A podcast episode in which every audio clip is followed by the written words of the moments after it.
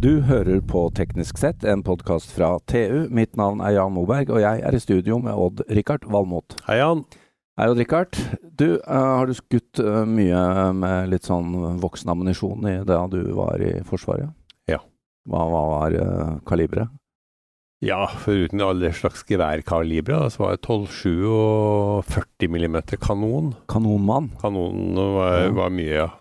Og eh, Nei, det er jo mye snakk om dette nå. Jeg, jeg, da jeg var i militæret, så brukte vi jo M72. Riktignok ikke den versjonen som er i dag, og det var ikke live ammunisjon. Men nå pågår det en krig i Europa, Richard, og vi har fått vite at eh, Eller vi vet jo at um, Norge har sendt 2000 M72 uh, ned til Ukraina. Ja.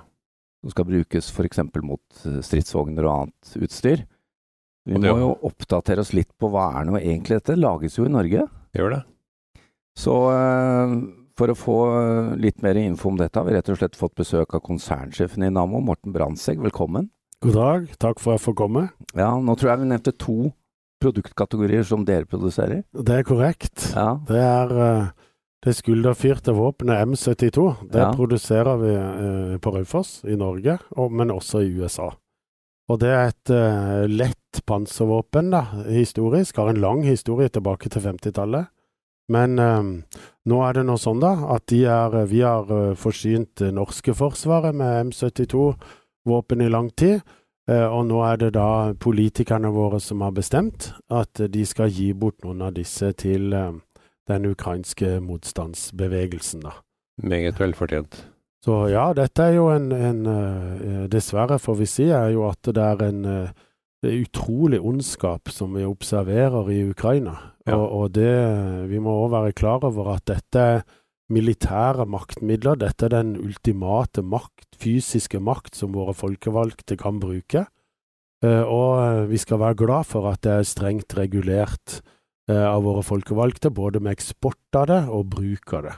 Mm. Ja, det er nesten litt sånn, uh, sånn, middelaldersk, det som foregår i Ukraina nå, med, med, med, litt moderne våpen. Ja, det virker som at når strategiene har gått feil i første omgang, så går de løs på sivile. Etter middelalderske metoder, altså.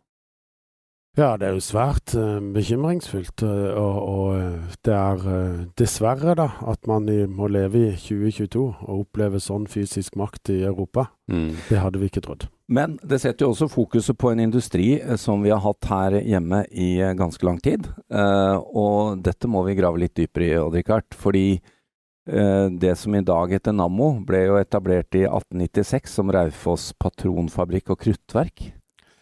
Det er korrekt. Vi har en lang historie tilbake. Ja. Det var, og det ble eh, Det begynte jo med opptrappingen eh, at Norge skulle eh, bryte løs fra svenskenes harde grep. Mm. Så, hvor man da nærmet seg en, en, en, en, situasjon hvor man måtte beskytte Norge. Så da valgte jo den uh, norske myndigheter den gangen da å flytte ammunisjonsproduksjonen fra Oslo til Raufoss. Fordi at det var av militærstrategiske årsaker, for der var man beskyttet av uh, på um, østsida av Mjøsa og Skreifjellene. Det var altså vanskelig om man ville ha god tid til å forsvare seg. Så derfor ble Toten et sentrum på jorden. Ja, de måtte ta både Kongsberg og, og Raufoss. Skulle de ha uh, fått has på våpenproduksjonen vår? Ja, ne, ne, Mjøsa imellom ville ikke funka like godt i dag, eh, kanskje. Men, men det har nå holdt koken da, siden, siden 1896, riktignok med noen omstruktureringer. Ja. Raufoss eh, ammunisjonsfabrikk, som den heter på den tiden, da, har jo overlevd både første eh, verdenskrig. Eh, mellomkrigstiden var en krevende øvelse for Raufoss-miljøet. Det var lite oppdrag, og man måtte man fylte leppestift på patronhylser for som damene kunne pynte seg. Og man lisensproduserte kule lager fra SKF i Sverige med stor suksess. Eh, blant annet etterkrigstiden så valgte man jo da gjennom Jens Christian Hauge og industriell strategi for forsvarsvirksomheten at man skulle satse innenfor noen få teknologiske områder, og ikke mm. bygge plattformer som altså fly eller stridsvogner ja. eller den type ting. Og det har vi eh, for Nammos del, eller Raufoss den gangen, så ble det rakettmotorer og, og veldig avansert ammunisjon. Og det har vi gjort gjennom 60-, 70-, 80-tallet hele veien lagd veldig noe av verdens mest avanserte ammunisjon og skulderfyrte våpen.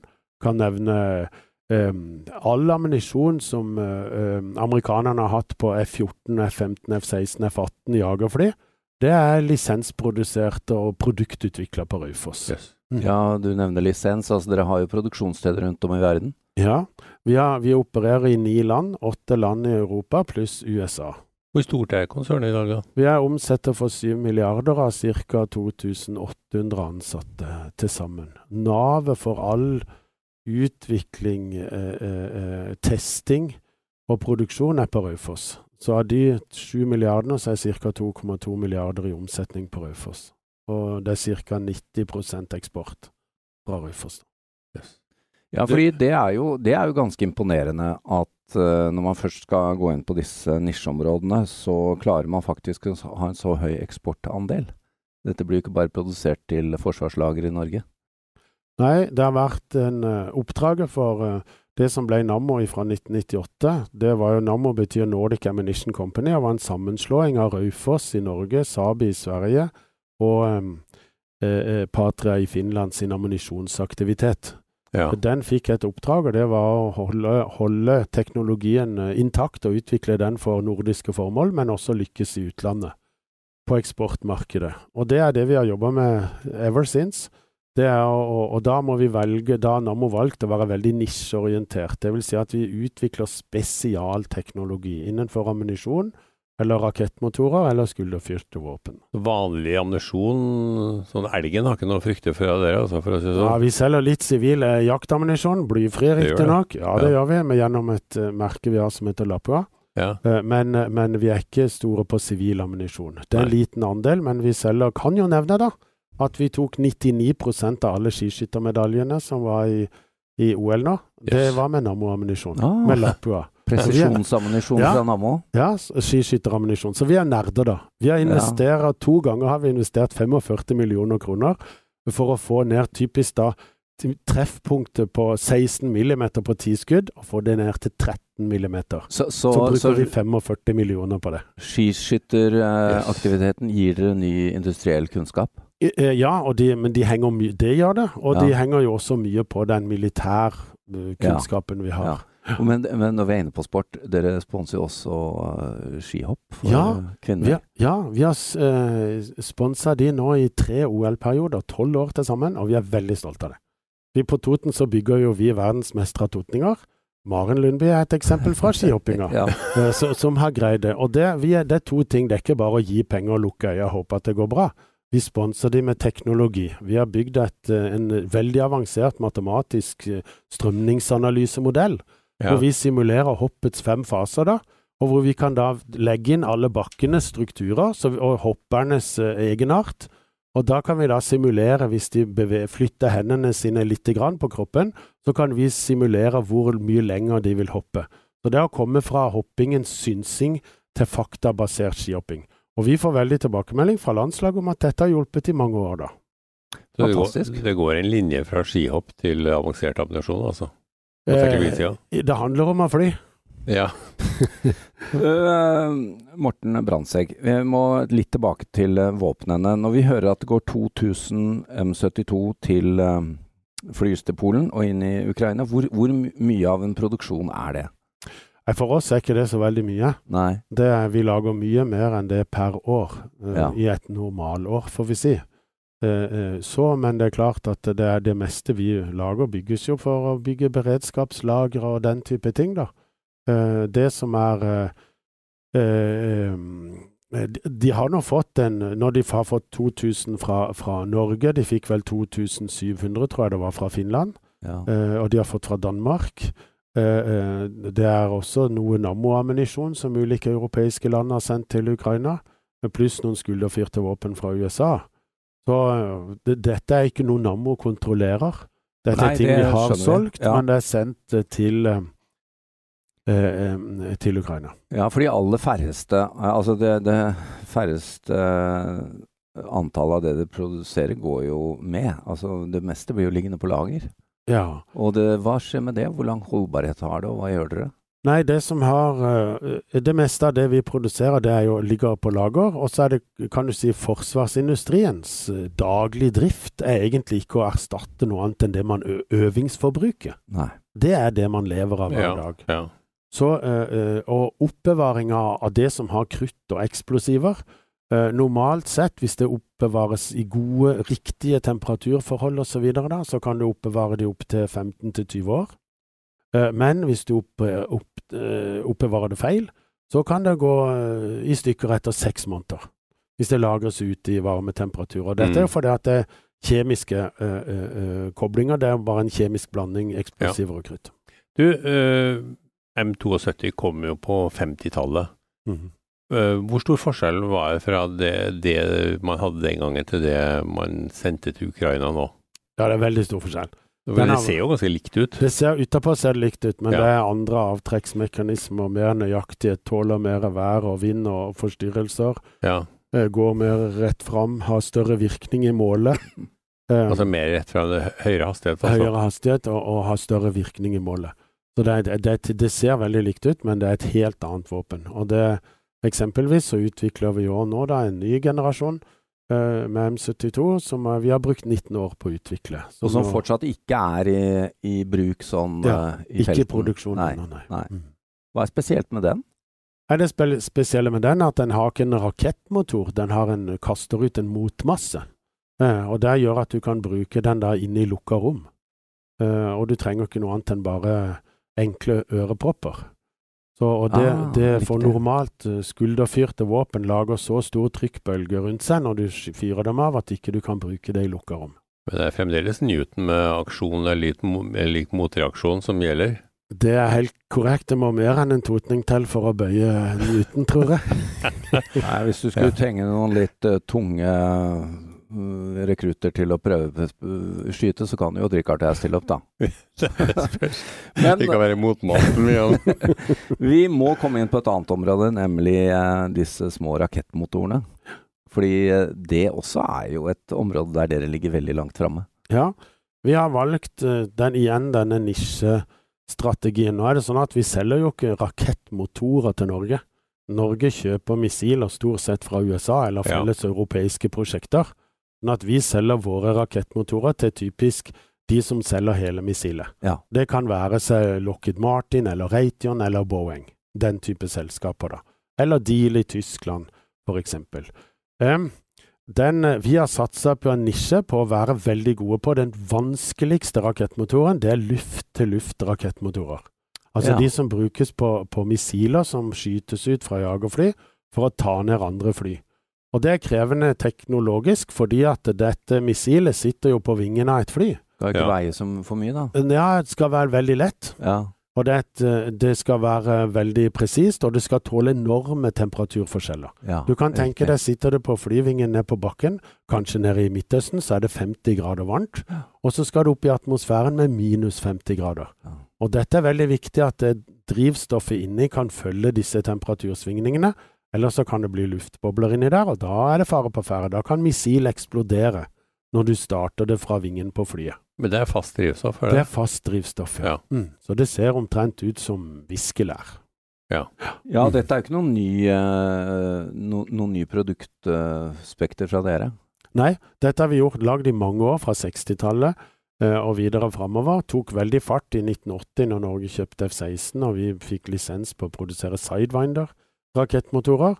Og nå har det, nå det siste Vi har i en drøy tiårs tid produsert rakettmotoren til Amram, som er medium rekkevidde, mest brukte luft-til-luft-missilet i vestlig verden. Mm. Så, og, og et viktig amerikansk program for oss, da. Har, hvordan har, utviklingen vært på rakettmotorer med fast drivstoff?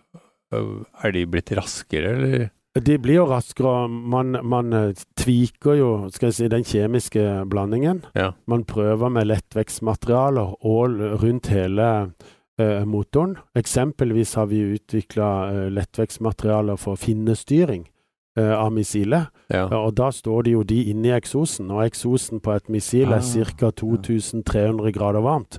Og når du vet at stål smelter på 1600, Eh, så er det litt ukomfortabelt å være en sånn del baki der. ja, det høres ikke ut til å være i aluminium, i hvert fall. Nei, det er ikke det. Det er kompos spesiallagde komposittmaterialer. da. Så, Ja. Mm Det det går litt inn på termen her, så er det hypersoniske ramjetmotorer. Mm. Og eh, Hva er, det som, hva, hva er en ramjetmotor, egentlig? Ja, fra en tradisjonell rakettmotor så har den med seg oksygenet sjøl. Det vil si at ca. 85% av alt drivstoff om bord i en vanlig rakettmotor, uh, har, det er oksygengivende materiale. Ja. Mens en ramjet, den har bare Den har ikke med seg oksygenet. Den sluker oksygenet inn gjennom et luftinntak foran um, på rakettmotoren. Komprimerer, uh, eller bremser opp den lufta. Uh, stiger temperaturen og setter da fyr på drivstoffet. Som en turbojet, men Ja. som med, med en del forskjeller. For å si det sånn. Men, eh, ja, Ja. ja. men og egentlig som at du blåser veldig hardt på veden i peisen. Ja. Ja, si riktig. sånn. Så den spiser oksygenet utenfra og har ikke med seg noe. Ja, og det, det Fordelen med dette, det er jo at den har en enorm rekkevidde, da. ja. Og da kan man eh, møte, hva skal jeg si, motstandernes eh, rekkevidde Ja. med ny teknologi. Så det er helt eh, nødvendig at, at vi i Vesten må samarbeide med våre allierte for å utvikle sånn teknologi. ja, og der var jo Odd-Rikard og jeg nede og møtte um, Jon Michael Størdal i, i Nato Science and Technology, som, mm. som koordinerer. Det er vel også et program dere er med på, da? Ja, vi, vel, og vi støtter veldig opp om at Nato bruker sine fellesressurser innenfor forskning og utvikling. Og det er klart mye av kamperfaringen i, i, i Europa sitter, og USA sitter jo i Nato sin organisasjon. Mm. Så det å utvikle Nato videre til å kunne be, benytte den erfaringen og iverksette nye teknologigrep er veldig Ja. viktig. I en tid hvor teknologiutviklingen går fortere og fortere. Ja, for før så var det jo forsvarsindustrien som var teknologiledende. Det er ikke sånn alltid lenger. Nei, nå er det eh, Vi kom, for hvis jeg husker tilbake til romfartsalderen og alt det her, så kom teflon, steikepanner og mye rart øh, kom fra romfarts- og forsvarsindustrien. Ja. Mm. Nå er det egentlig omvendt. Nå ser en små droner, man ser uh, små sensorteknologi pga. mobiltelefoner og alt dette her er blitt veldig, veldig rimelig. Mm. Og avansert eh, GPS-er osv. Ja. som vi har i telefonen, det kommer nå inn i forsvarsindustrien. Men det, og, og, og det bidrar til at utviklingstiden går, er mye raskere. Ja. Så, og det er vel den største utfordringen for Forsvaret i dag, etter mitt syn. Det er at uh, teknologiutviklingen går så raskt. Og man må tilpasse seg hele tiden, og at Forsvaret må passe på budsjetter til å investere i ny teknologi. Og der må vi øh, Det går jo, Richard, vi kan jo snakke i timevis her, men vi er nødt til å være innom et tema før vi avslutter. og det er jo øh, droner og autonomi, Odd Rikard. Altså når, når vi og Ja. Rikard jeg skal kjenne litt på frykt, så går vi inn og ser på disse videoene fra Boston Dynamics med disse robotene. Mm. Og eh, når ting blir autonome, så Hvor står vi i denne utviklingen? Altså, vi er en autonome farkoster, da, enten de er i luften som en drone, eller som en hund på bakken, eller som kan svømme under vann. Teknologien for å kunne bevege seg relativt stabilt eh, eh, er jo egentlig utvikla. Mm. Og så kan du sette sammen eh, kjent teknologi eh, eh, som lokalisering, eh, eh, gjenkjenning, bildeteknologi osv. da. Og da kan du jo eh, få autonome, eller hva skal jeg si, selvbestemmende våpenplattformer, da. Det er jo eh, et eh, nytt teknologisk område som da ikke har noen reguleringer rundt seg. Mm. Og vi i Nammo, jeg er med i en, en diskusjonsgruppe med, med noen filosofer som jobber på oppdrag for Forsvarsdepartementet, for å se hvor skal grensen gå for dette. I dag lager vi bare våpen som har men, en menneskelig beslutning i kjeden fram til du fyrer Ja. av et våpen. Så, så det, det er jo Altså, dette er jo betenkelig, for å si det sånn. Ja, det ser ganske kan- skummelt ut. Ja, med våpen som kan operere alene. ja, Det er ingen kan- tvil om det. Men derfor så er det viktig at dialogen mellom vi som får lov å utvikle dette, og våre myndigheter og brukerne i Forsvaret, er så tett som mulig. Det går jo den veien uansett hva vi eh, mener. Ja, Hvis ikke vi gjør det, så gjør noen andre det. Litt av utfordringen er jo at de som vi ser som herjer nå driver krig eh, i, i, i, mot ukrainerne, Ja, de bruker jo dette eh, så mye de kan. klart det. Ja da, og så er det jo som eh, vi hadde Sverre Disen, i, tidligere forsvarssjef her i studio, Richard, for noen uker siden, og da snakket vi om svermer av rimelige droner i stedet for store, dyre enkeltsystemer. Så får du, får du noen titalls, hundretalls enkle droner mot deg, så klarer du kanskje ikke å ta ned alle. Nei, og, det, og det, her må man være Man må huske på at eh, også krig har sin etikk og moral. Og det er Genévekonvensjonen som regulerer hva man har lov til og ikke lov til i krig. Og det regulerer også hva slags type ammunisjon og våpen man kan ha. Så det er jo på, på et sånt nivå så er det jo eh, har det jo vært eh, avtalt på et overnasjonalt nivå mellom nasjoner at man ikke skal ha spesielle typer våpen. Det kan Siste eksempel er Norge og Oslo-avtalen for klasevåpen. Ja. Men som russerne nå bruker i uh, Ukraina ja, likevel? Ja, det vet ikke jeg nå, men det gjør de. Og de har lagre med kjemiske våpen, viser det seg. Det har de. Ja, Men uh, hvis vi skal ta, ta, litt tilbake igjen før helt vi avslutter, så, så er jo dette også et uh, tegn. altså Virksomheten Nammo viser jo også hvordan Norge kan bli ledende innenfor noen nisjer. da. Og uh, da må vi jo håper å si, slå oss litt på brystet over at dere fikk en stor amerikansk kontrakt her før det brøt ut krig i Ukraina, altså i fjor, som viser at det faktisk nytter hvis vi uh, har et langsiktig forhold til teknologiutvikling i Norge. Ja, og det er vel kanskje det vi er mest stolte av. Det er at vi lager veldig avanserte uh, teknologijobber utenfor olje og gass. Og vi greier å lykkes i stor grad med pluss 90% på eksportmarkedet, men det gjør vi ved at vi har utvikla Nammo og lager nisjeprodukter som er så smale at vi prøver seriøst å bli best i verden. Mm. Det er litt sånn ugreit å si det som totning, men nå begynner totningen å bli vant med det. At vi kan faktisk, når vi kraftsamler, gjøre en, en, god jobb. Kontrakten er veldig stor for oss, da vi har brukt 19 år på å utvikle denne versjonen av M72.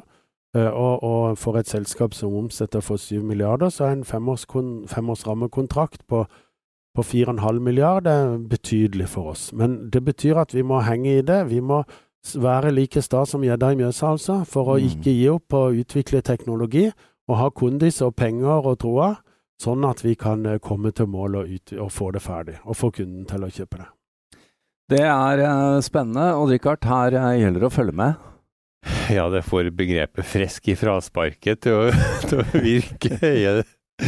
Vi, eh, vi uh, tror vi har et par temaer til, uh, Morten, som vi må ta opp med deg. Men det må vi nesten gjøre i, i, i en ny podkast eller et annet tema.